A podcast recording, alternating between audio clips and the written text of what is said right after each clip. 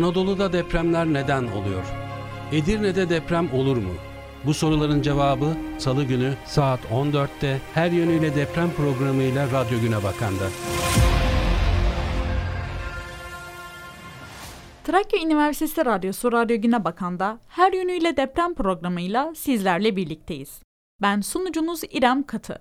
Programımızın bu bölümünde sizlere ilk olarak Trakya Üniversitesi öğretim görevlisi Oya Tong'un yapmış olduğu Dijital medyada etik ihlallerde Kahramanmaraş depremi örneği konulu konuşmasıyla baş başa bırakıyoruz.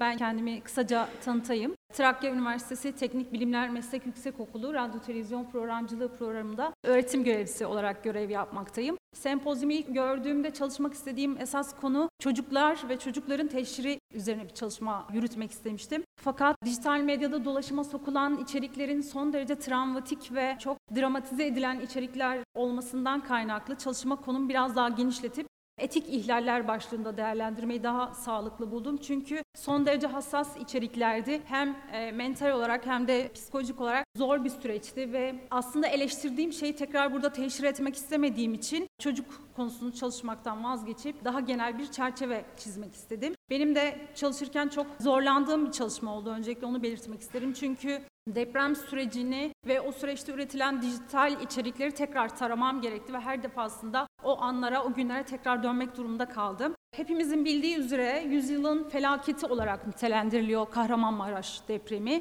6 Şubat tarihinde çok kötü bir güne uyandık ve yaklaşık 10 ilde büyük bir yıkıma neden oldu ve milyonlarca insanın hayatını kaybetmesiyle sonuçlandı. Dolayısıyla da bu süreçte haberleşme ve iletişim çok daha büyük önem kazandı. Özellikle dijital platformlarda ve dijital medya olarak ifade ettiğimiz mecralarda üretilen içeriklerin çok yoğun bir şekilde dolaşıma sokulduğunu gördük. Bu bağlamda da meydana gelen bu kriz ortamında bazı etik ilke ihlallerinin meşrulaştığı ve normalleştiği bir süreci yaşadık aslında.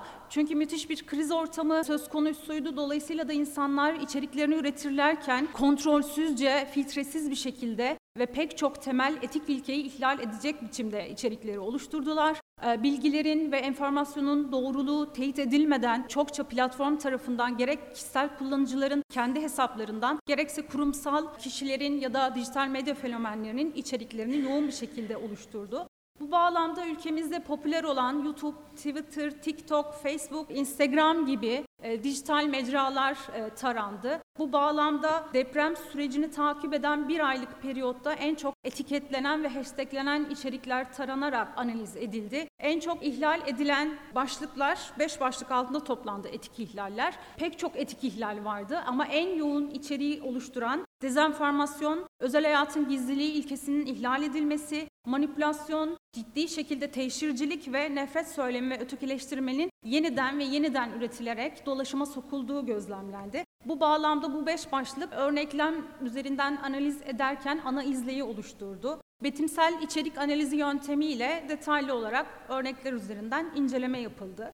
Etik kavramıyla başlayacak olursak, e, üzerinde tanımlama yapmaya çalıştığımızda tek bir etik kavramıyla karşı karşıya kalmıyoruz. Fakat genel olarak toplumları bir arada yaşaması için zorunlu olan e, ve uyulması zorunlu kurallar bütünü olarak tanımlayabiliriz. Kültürden kültüre, toplumdan topluma, nesilden nesile e, etik ilkelerin değiştiğini, dönüştüğünden bahsedebiliriz. Nitekim farklı meslek gruplarında da farklı etik ilkeler söz konusudur ve o meslek grubunun ihtiyaçları doğrultusunda etik ilkeler değişebilmektedir. Yasama, yürütme ve yargıdan sonra dördüncü büyük erk olan, dördüncü büyük güç olan medyada da mevcut etik ilke ihlallerinin çok sıkça karşılaştığımızdan bahsedebiliriz. Temelde objektiflik, gerçeklik, tarafsızlık gibi ilkeleri medyanın uyumakla yükümlü olduğu etik ilkeler olarak sıralayabiliriz. Geleneksel medyadan farklı olarak dijital medya alanında da yine çokça etik ihlallerin yaşandığından bahsedebiliriz. Özellikle de yeni iletişim teknolojilerinin yaygınlaşması ve internet altyapısının gelişmesi ve bireysel kullanıcıların telefon, tablet, bilgisayar gibi erişim imkanlarının artmasıyla birlikte edilgen bir nesne konumunda olan sıradan bireyler, vatandaşlar bir anda aktif bir özneye dönüşmüş bulunmakta. Kontrolsüzce içerikler üretirken aynı zamanda dolaşıma sokulan bu içerikleri yeniden ve yeniden paylaşarak tekrar dolaşıma sokmaktadır. Dolayısıyla da tsunami etkisi yaratıp bazen gerçek dışı bir bilgi, bazen e, özel hayatın gizliliğinin ihlali, çoğu zamanda teşhirciliğin olduğu, pek çok etik ihlalin çiğnendiği durumlarla, örneklemlerle karşı karşıya kalmaktayız. Dijital medya kullanımı özellikle son zamanlarda dediğim gibi çok fazla yaygınlaştı. Kontrolsüzce bir içerik üretimi söz konusu ve aynı zamanda kontrolsüzce bir tüketim de söz konusu. Dijital medyada etik kavramına geldiğimizde spesifik olarak söylenmesi gereken bir takım başlıklar var. Genel olarak ihlal edilen bir takım etik e, ilke kurallarından bahsedebiliriz ama öncelikle çalışmada neden dijital medya kavramsallaştırmasının kullanıldığından bahsetmek istiyorum. Bazı kaynaklarda yeni medya ya da sosyal medya kavramsallaştırması kullanılırken bu çalışmada dijital ibaresi tercih edildi. Bunun sebebi dijital medya kavramının çok daha geniş bir anlamı kapsamasından kaynaklanmakta. Dijital medya hem iletişim yöntemini, yolunu, metodunu hem kullanılan dijital medya platformlarını Twitter, TikTok, Instagram, YouTube e, gibi dijital platformları hem de aynı zamanda platformlarda üretilen içerikleri kapsaması bakımından çok daha kapsayıcı bir kavramsallaştırma. Bu sebeple dijital medyada etik kavramı olarak başlıklandırıldı.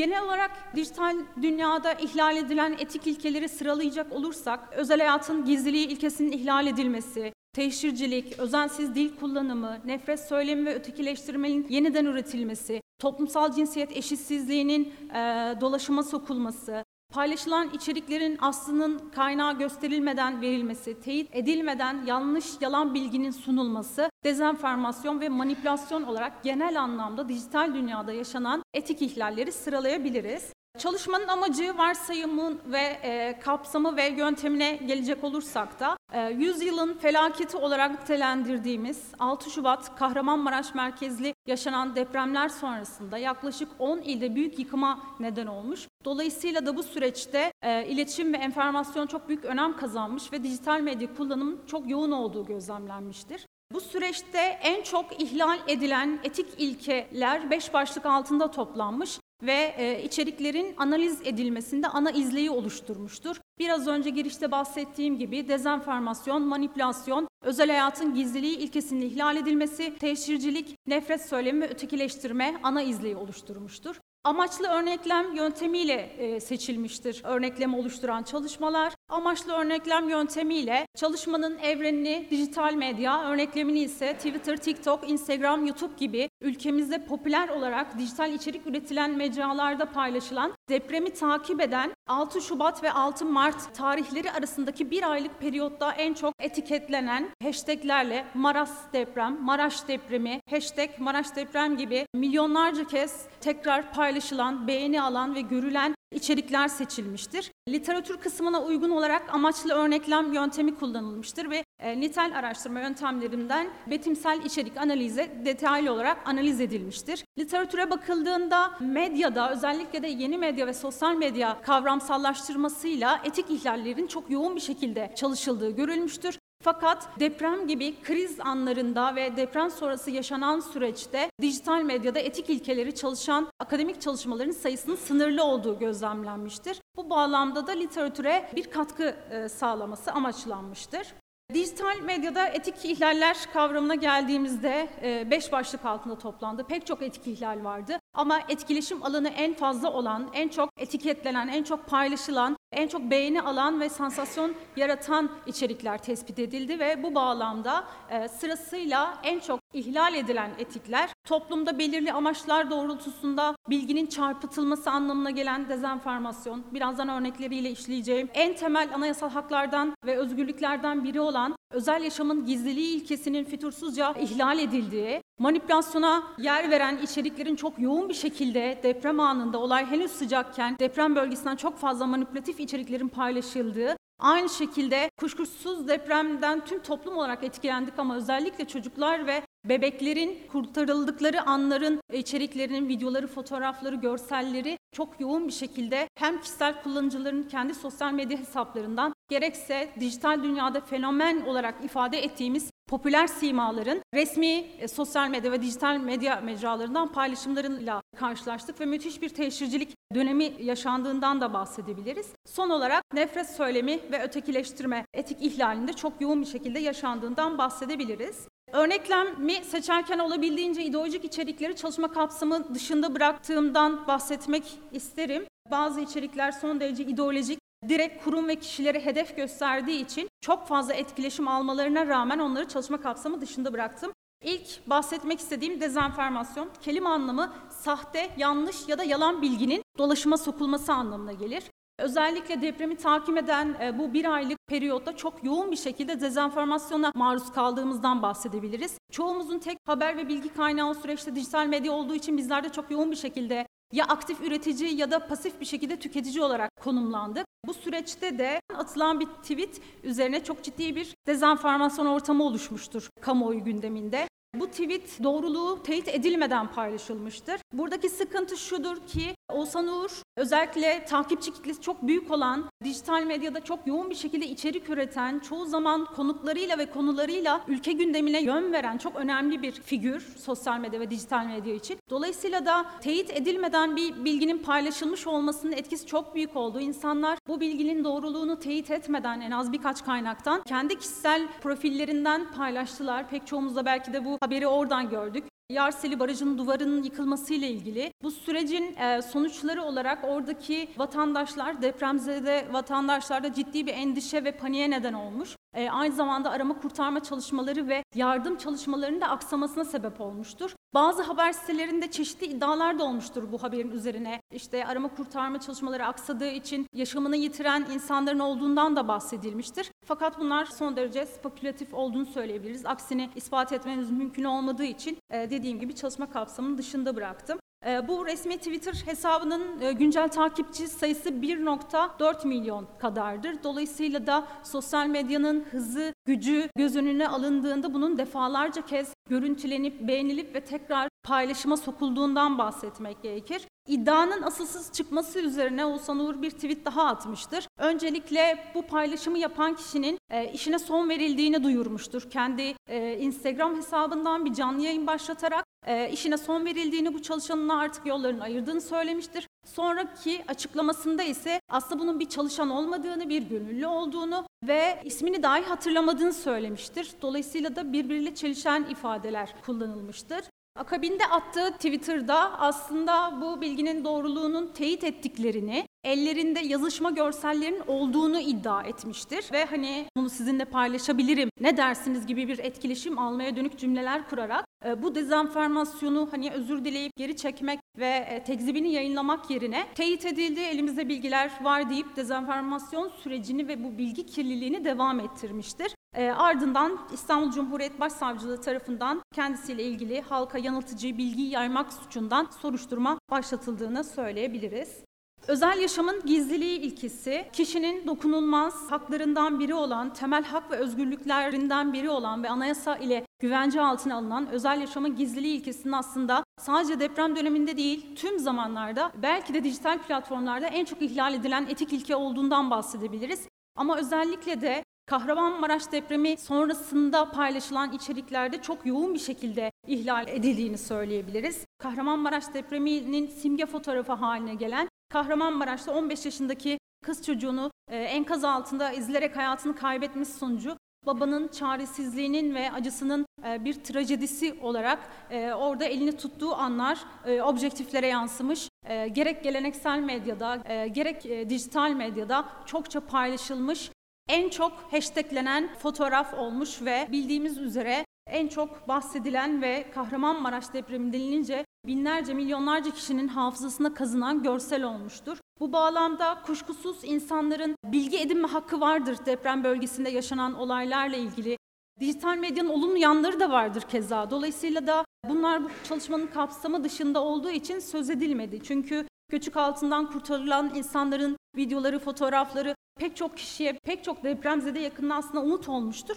Fakat dijital dünyanın e, işte hızlı enformasyon sağlaması, yardımlaşma, kaynaşma, kenetlenme gibi pozitif anlamda olumlu etkileri de vardır. Fakat bunlar çalışma kapsamı dışında bırakıldığı için değerlendirme kapsamına alınmamıştır.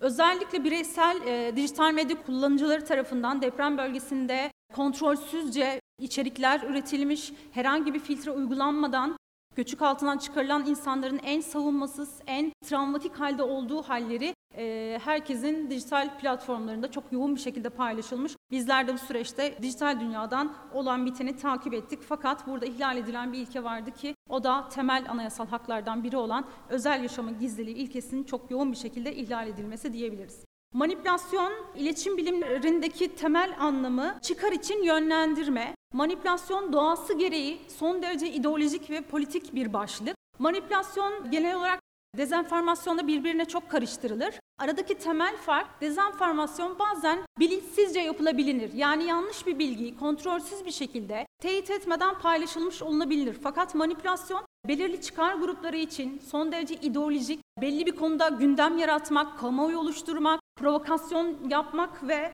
propaganda yapmak amaçlı maksatlı müdahalelerdir. Dolayısıyla da manipülasyon doğası gereği ideolojiden, politikadan, siyasetten bağımsız düşünülemez. Teşhir, içinde bulunduğumuz toplum teşhir toplumudur. Kişisel kullanıcılar tarafından da dijital medyada çok yoğun bir şekilde özellikle çocukların ve bebeklerin teşhir edildiği görülmektedir. Kahramanmaraş depremi sonrasında yaşanan süreçte özellikle kurtarma çalışmalarında en çok teşhir edilen bebek hashtag Kerem Bebek olarak paylaşılan Kerem Bebek'tir. Kuşkusuz bebeğin henüz 20 günlük olması 60 saat süren bir hayatta kalma mücadelesi vermesi ve göçük altından çıkarıldığı anların hem videoların hem de fotoğrafların e, an an kaydedilmesi ve de elinde bir tutam annesinin saçıyla göçük altından çıkarılması olayı daha da travmatik hale getirmiştir. Bu da Kerem bebeğin en çok teşhir edilen görsel olarak literatüre geçmesini sağlamıştır. Bir diğer e, etik ihlal ise nefret söylemi ötekileştirme. Nefret söylemi kendi görüşünde olmayan ya da azınlıklar ya da e, sığınmacılarla ilgili dijital dünyada zaten var olan bir etik ihlal ama deprem süresini takip eden bu, bu aylık süreçte çok yoğun bir şekilde nefret söylemi üretilmiştir. Sonuç olarak değerlendirecek olursak, yüzyılın felaketi olarak anılan Kahramanmaraş merkezli büyük yıkıma neden olan depremler sonrasında çok yoğun bir şekilde dijital medyada etik ilkelerin ihlal edildiği gözlemlenmiştir. Bunların en çoğu ideolojik amaçlarla bilgilerin çarpıtılması, dezenformasyona sebebiyet verecek politik amaçlarla manipülasyon yaratmak, özel hayatın gizliliği ilkesinin ihlal edilmesi, çocukların özellikle de bebeklerin çok yoğun bir şekilde teşhir edilmesi ve nefret söylemi ve ötekileştirme başlığı. Öneri olarak da şunu paylaşmak istiyorum. Dijital medya okuryazarlığı ile ilgili bir farkındalık geliştirilmeli ve bu nitekim eğitimle sağlanmalı. Herhangi bir kontrol mekanizmasına gerek kalmadan bireysel olarak içerik üreten ve tüketen insanların çok daha bilinçli, duyarlı ve hassas olması gerektiğini e, düşünüyorum. Beni dinlediğiniz için hepinize teşekkür ediyorum.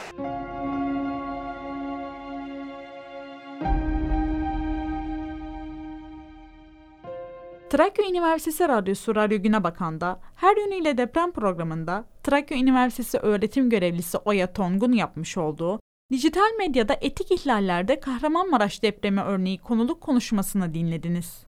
Şimdi de sizleri Trakya Üniversitesi Keşan Hakkı Yörük Yüksekokulu Sekreteri Talih Erdinç'in depremlerin kalkınma sürecine etkisinde insani gelişme düzeyi açısından değerlendirme konulu konuşmasıyla baş başa bırakıyoruz.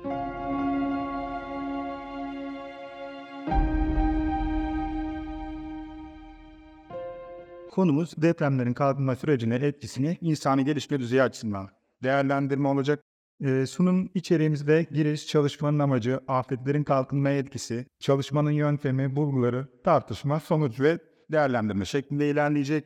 Doğal afetler uzun vadede e, büyüme ve refah seviyesinin yükseltilmesinin yanı sıra gelecek nesillere imkan sağlamak olarak bilinen sürdürülebilir kalkınma tehlikeye sokmaktadır. Meydana gelen afetler içerisinde özellikle depremler ülkelerin kalkınma programlarında değişikliğe gitmeye ya da programlarını tamamen ertelemek zorunda bırakmaktadır. Bu olumsuzlukları en aza indirmek veya mümkünse tamamen ortadan kaldırmak amacıyla afetleri önleme, riskleri azaltma ve afetlere karşı dirençlilik gibi çalışmaların sürdürülebilir kalkınma açısından bir unsur olarak değil, ön koşul olarak değerlendirmesi gerektiğini düşünüyorum. Ee, doğal afetler dünya genelinde yaşanırken gelişmiş ya da gelişmemiş olsun tüm ülkeleri etkiliyor. Ancak bazı ülkeler bu afetlere karşı daha savunmasız. Afetlerden daha çok etkilenen veya can kaybının daha çok yaşandığı ülkelerin büyük çoğunun gelişmekte olan ülkeler olduğunu yapılan çalışmalar göstermiştir. Kötü yönetim, yoksulluk, siyasi sorunlar, kontrolsüz tarım ve çarpık kentleşme daha büyük felaketler yaratan e, sorunlar arasındadır. Ülkelerin kalkınma düzeyini beşeri sermayesi ve gelişme düzeyi belirlemektedir. Yine Ülkelerin gelişme düzeyini tanımlayan kalkınma ve büyüme kavramları temelde birbirine yakın gibi görülse de anlam bakımından birbirinden farklı kavramlardır. Büyüme, bir bölgenin üretim değerinin artması durumunu ifade ederken kalkınma ise ekonomik, sosyal ve kültürel yönleri alan daha geniş bir kavramdır. Ee, özellikle 1980'li yıllara kadar çoğu iktisatçıya göre kalkınma, sanayileşme, gelir, yatırım, pazar genişliği gibi konular üzerinde yoğunlaşarak özellikle kişi başına düşen gelir üzerinden değerlendirmeye çalışılmış. Ancak 1980 yılından sonra bazı iktisatçılar bu ölçümün özünde bir eksiklik olduğunu, yani gayri safi yurt içi hasılanın yetersiz kaldığını belirtmişler. Bu iktisatçılara göre iktisat faydanın dağılımında yetersiz beslenme, yoksulluk, düşük sağlık hizmetleri, düşük okuryazarlık, sınırlandırılmış özgürlük, güvenlik gibi düşük sayılabilecek yaşam düzeylerinin sosyal ve iktisadi durumun derinliğini ve genişliğini gösterebilmek açısından gayri safi yurt hasılanın yetersiz kaldığını belirtmişler ve buna dikkat çekmişler. Bu sebeple insanın gelişme endeksi ortaya çıkmış. İnsani Gelişme Endeksinin amacı kalkınma ekonomisinin milli gelir odağından insan odaklı politikalara kaydırmak ve ülkelerin ilerlemesini yalnızca ekonomik boyutta değil, bunun yanı sıra sosyal sonuçlar bakımından da değerlendirmek için boyut geliştirilmiş. İnsani Gelişmişlik Endeksi 3 temel boyutta inceleniyor. Bu rapora göre insan gelişmişlik seviyesinin ölçümünde ortalama yaşam sürmeyi sağlayacak temel mal ve hizmetlere ulaşmada kullanılan gelir, toplumun bilgi üretme ve bilgiye ulaşma imkanlarını etkileyen temel faktör olarak eğitim ve bunların yanı sıra uzun ve sağlıklı bir ömür parametreleri kullanılmış. İnsani Gelişmişlik Endeksi raporları ülkeleri 3 kategoride toplamış. Bunlar yüksek, orta ve düşük insani gelişme seviyeleri. Çalışmamızın temel amacı insani gelişme düzeyi verilerine göre ülkelerin gelişmişlik düzeyiyle doğal afetlere ve özellikle de depremlere karşı durumlarını belirlemeye yöneliktir. Bu amaçla önce doğal afetlerin kalkınma sürecinin etkisini açıklamaya çalışacağız. Sonrasında insani gelişme e, düzeyi verilerine göre ülkelerin afetler ve özellikle depremlerden etkilenme düzeyleri tartışılacak. Sonuç ve değerlendirme kısmıyla çalışmamız tamamlanacak. Son zamanlarda doğal afetlerin kalkınma açısından baktığımızda ülke çapında ekonomi ve büyümeyi sekteye uğratarak hedeflerin gerisinde kalınmasına, ödeme dengesinin bozularak bütçe açıklarının neden olmasına, bütçe gelir der dengesinin bozulmasına, gelir dağılımı açısından eşitsizliğe ve fakirliğin daha da çok artmasına, planlı yatırımların aksamasına, durmasına, yatırım amaçlı ayrılan kaynakların, bütçelerin kesilmesine sebep olduğu gibi daha büyük boyutta ülkelerin siyasal ve sosyal bütünlüklerin bozulmasına kadar gidecek sorunlar çıkaran faktörlerdir. Çalışmamızın yöntemi tanımlayıcı tipte planlanmıştır. İnsani Gelişme Endeksi verilerinin tutulmaya başlandığı 1990 yılından başlayarak 2023'ün Ağustos ayına kadar uluslararası acil durum veri analizleri yani kısaca EMDAT veri tabanından çekilmiş verilerden oluşmaktadır. E, afet sınıflandırması arasında doğal afetlerin alt kategorisi olan jeolojik afet türü ve lokasyon bilgilerin tüm dünya olarak seçilerek 1 Ocak 1990 31 Ağustos 2023 yılları arasında bulunan ve en az bir ölüm gerçekleşmiş afet verileri toplanmıştır. Ayrıca Birleşmiş Milletler'in 1990 yılından bu yana yıllık olarak ilan ettiği e, insani gelişmişlik raporları incelenmiştir. Çalışmamız yaklaşık 40 yıllık geniş sayılabilecek bir zaman aralığında dünya genelinde meydana gelen jeolojik afetleri istatistiksel olarak değerlendirmesi amaçlarından e, EMDAT veri tabanı kullanılmıştır. Çalışmamızın bulgularına baktığımızda belirlediğimiz ölçütlere göre 1990-2023 yılları arasında EMDAT veri tabanına dahil olan 665 adet jeolojik afet meydana geldiğini tespit ettik. Afetlerin dağılımına baktığımızda ilk sırada 567 adet deprem, 41 adet volkanik aktivite, 33 adet deprem kaynaklı tsunami ve 24 adet eylem ve kaya düşmesinin yaşandığı tespit edilmiş. Yaşanan afetlerin yıllara göre dağılımına baktığımızda 1996 yılında 9 adet ile en az 2004 yılında 32 afet ile en çok afetin yaşandığı yıl olmuş. Diğer yıllar benzer seyirde gitmiş. Kıtalara göre Asya kıtası ilk sırada yer almış 424 afetle. Bunun Amerika, Avrupa ve Afrika okyanusu takip etmiş. Richter ölçeğine göre belirlediğimiz tarih yılında 9 büyüklüğünde 17, 8 büyüklüğünde 73, 7 büyüklüğünde 192 deprem yaşanmış. Bir tablo geliştirdik. Bu tabloda yer alan ülkelere de meydana gelen jeolojik kaynaklı afetlerin sayısını incelediğinizde dünya genelinde yaşanan afetlerin %75.5'inin bu 20 ülke hatta 21 ülke üzerinde yaşandığını gördük. Genellikle ülkelerin insani gelişme değerleriyle yaşanan yer hareketi kaynaklı can kayıplarının orantılı olduğu söylenebilir. Ancak çok yüksek insani gelişme değerine sahip Türkiye ve Japonya da meydana gelen bu ölüm sayılarının mevcut durumun aksini işaret ettiği düşünülebilir. Bunun sebebini oldukça yıkıcı depremlerin bu ülkeler üzerinde son yıllarda meydana geldiğinden kaynaklandığını düşünüyorum. 2010 Haiti depremi Richter ölçeğine göre 7 büyüklüğündeydi ve 200 binden fazla ölüme ve binlerce yaralanmaya neden oldu. 2011 e, Japonya depremi ise Richter ölçeğinde 9 büyüklüğündeydi. Bir tsunami'ye sebep oldu. Bu depremde toplam 15 binden fazla can kaybı, 450 bin insanın da yerinden olmasına neden oldu. Önümüzde duran bu iki örneğin yaşanan depremin büyüklüğü ve depremin etkisinin değişebileceğini göstermesi açısından tablomuzda bulunan 20 ülke Haiti'de eklenmiştir. 2022 yılında e, yayınlanan İnsani Gelişmişlik Endeksinde e, 191 ülke yer almıştır. Yapılan insani gelişme düzeyi sıralamasında insani gelişmişlik düzeyi en yüksek ülke İsviçre, en düşük ülke ise Güney Sudan olarak belirlenmiş. Bu rapora göre Türkiye 48. sırada kendisine yer alarak en üst kategori olan yüksek insani gelişmişlik seviyesinde bulunan ülkeler kategorisinde yer almıştır.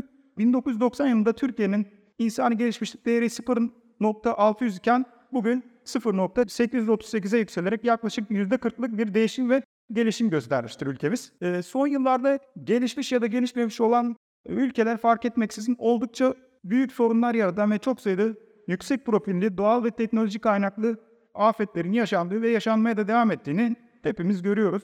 E, doğal afetlerin gelişmekte olan ülkelere maliyetiyle gelişmemiş ülkeleri olan maliyetinin aynı olmadığı tarih boyunca görülmüştü. Ulusal zararın az olduğu hallerde bile bölgesel zararın daha fazla yaşanabildiği gözlemlenmiştir. Buna en iyi örnek 2004 yılındaki Endonezya'da yaşanan tsunami'dir.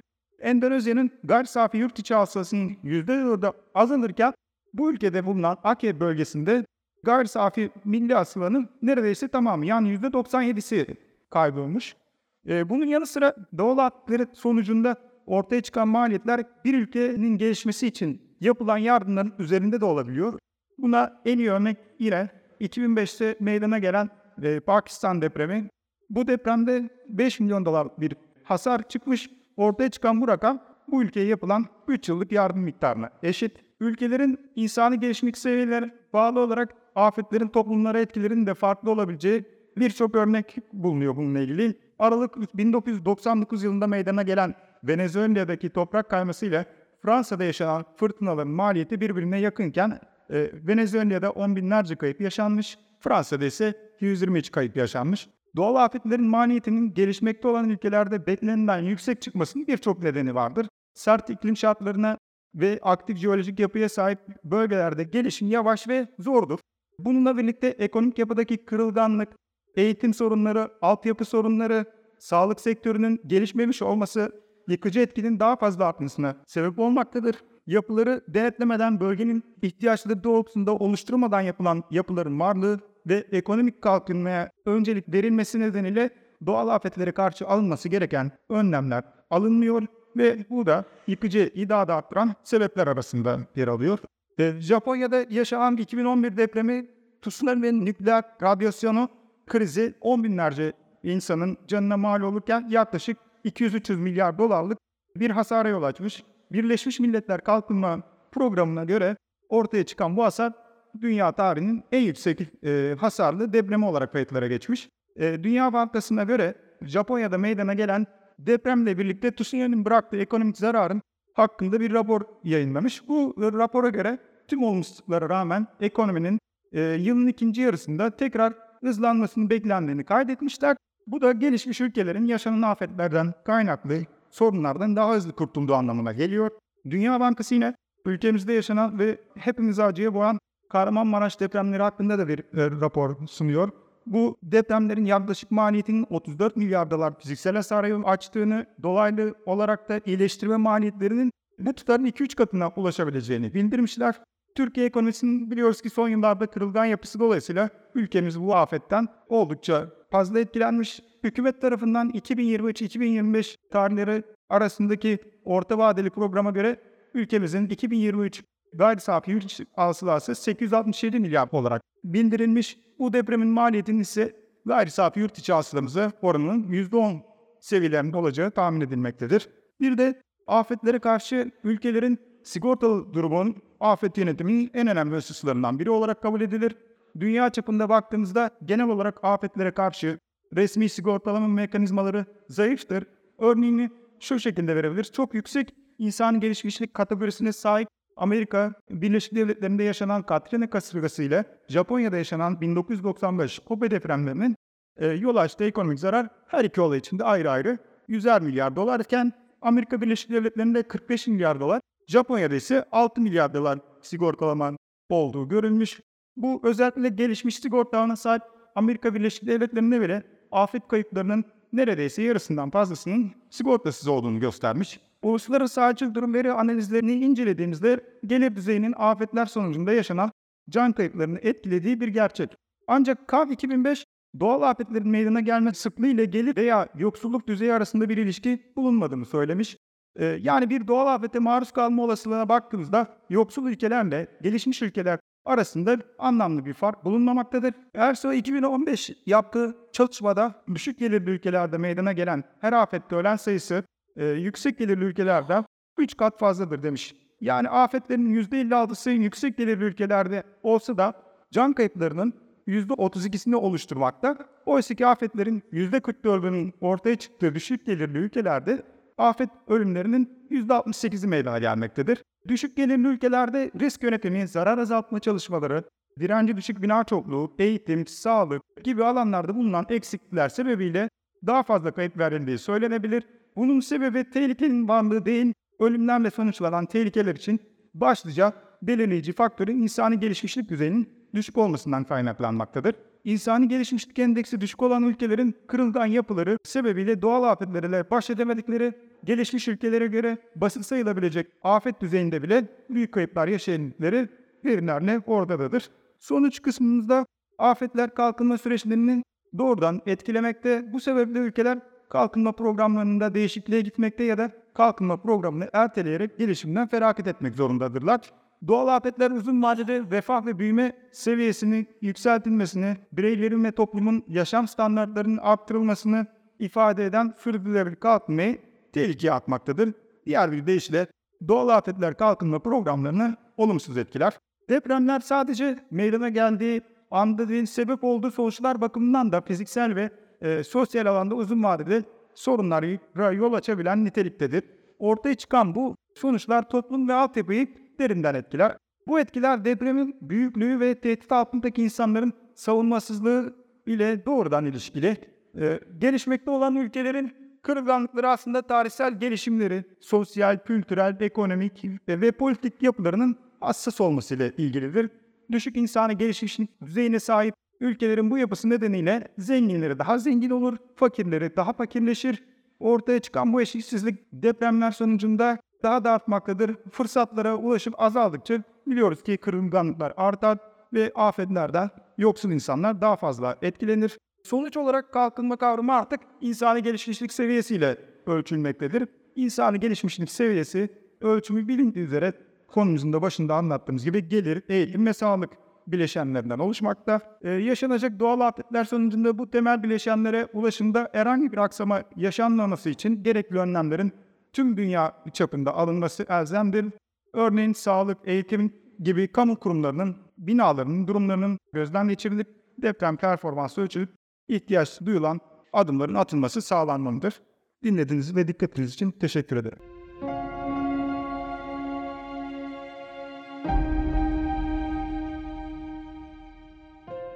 Trakya Üniversitesi Radyosu Radyo Güne Bakan'da her yönüyle deprem programında Trakya Üniversitesi Keşan Hakkı Yörük Yüksekokul Sekreteri Talih Erdinç'in depremlerin kalkınma sürecine etkisinde insani gelişme düzeyi açısından değerlendirme konulu konuşmasını dinlediniz. Ben sunucunuz İrem Katı. Bu haftaki her yönüyle deprem programının sonuna geldik. Programımız gelecek hafta salı günü saat 2'de depreme dair önemli bilgilerin yer aldığı konuşmalarla devam edecek. Bu arada programlarımızın tekrarını Radyo Güne Bakan Spotify ve Google Podcast resmi hesabı üzerinden dinleyebilirsiniz. Hoşçakalın. Öyle kimse var mı? Bir, iki, üç. Anadolu'da depremler neden oluyor? Edirne'de deprem olur mu? Bu soruların cevabı Salı günü saat 14'te her yönüyle deprem programıyla Radyo Güne Bakan'da.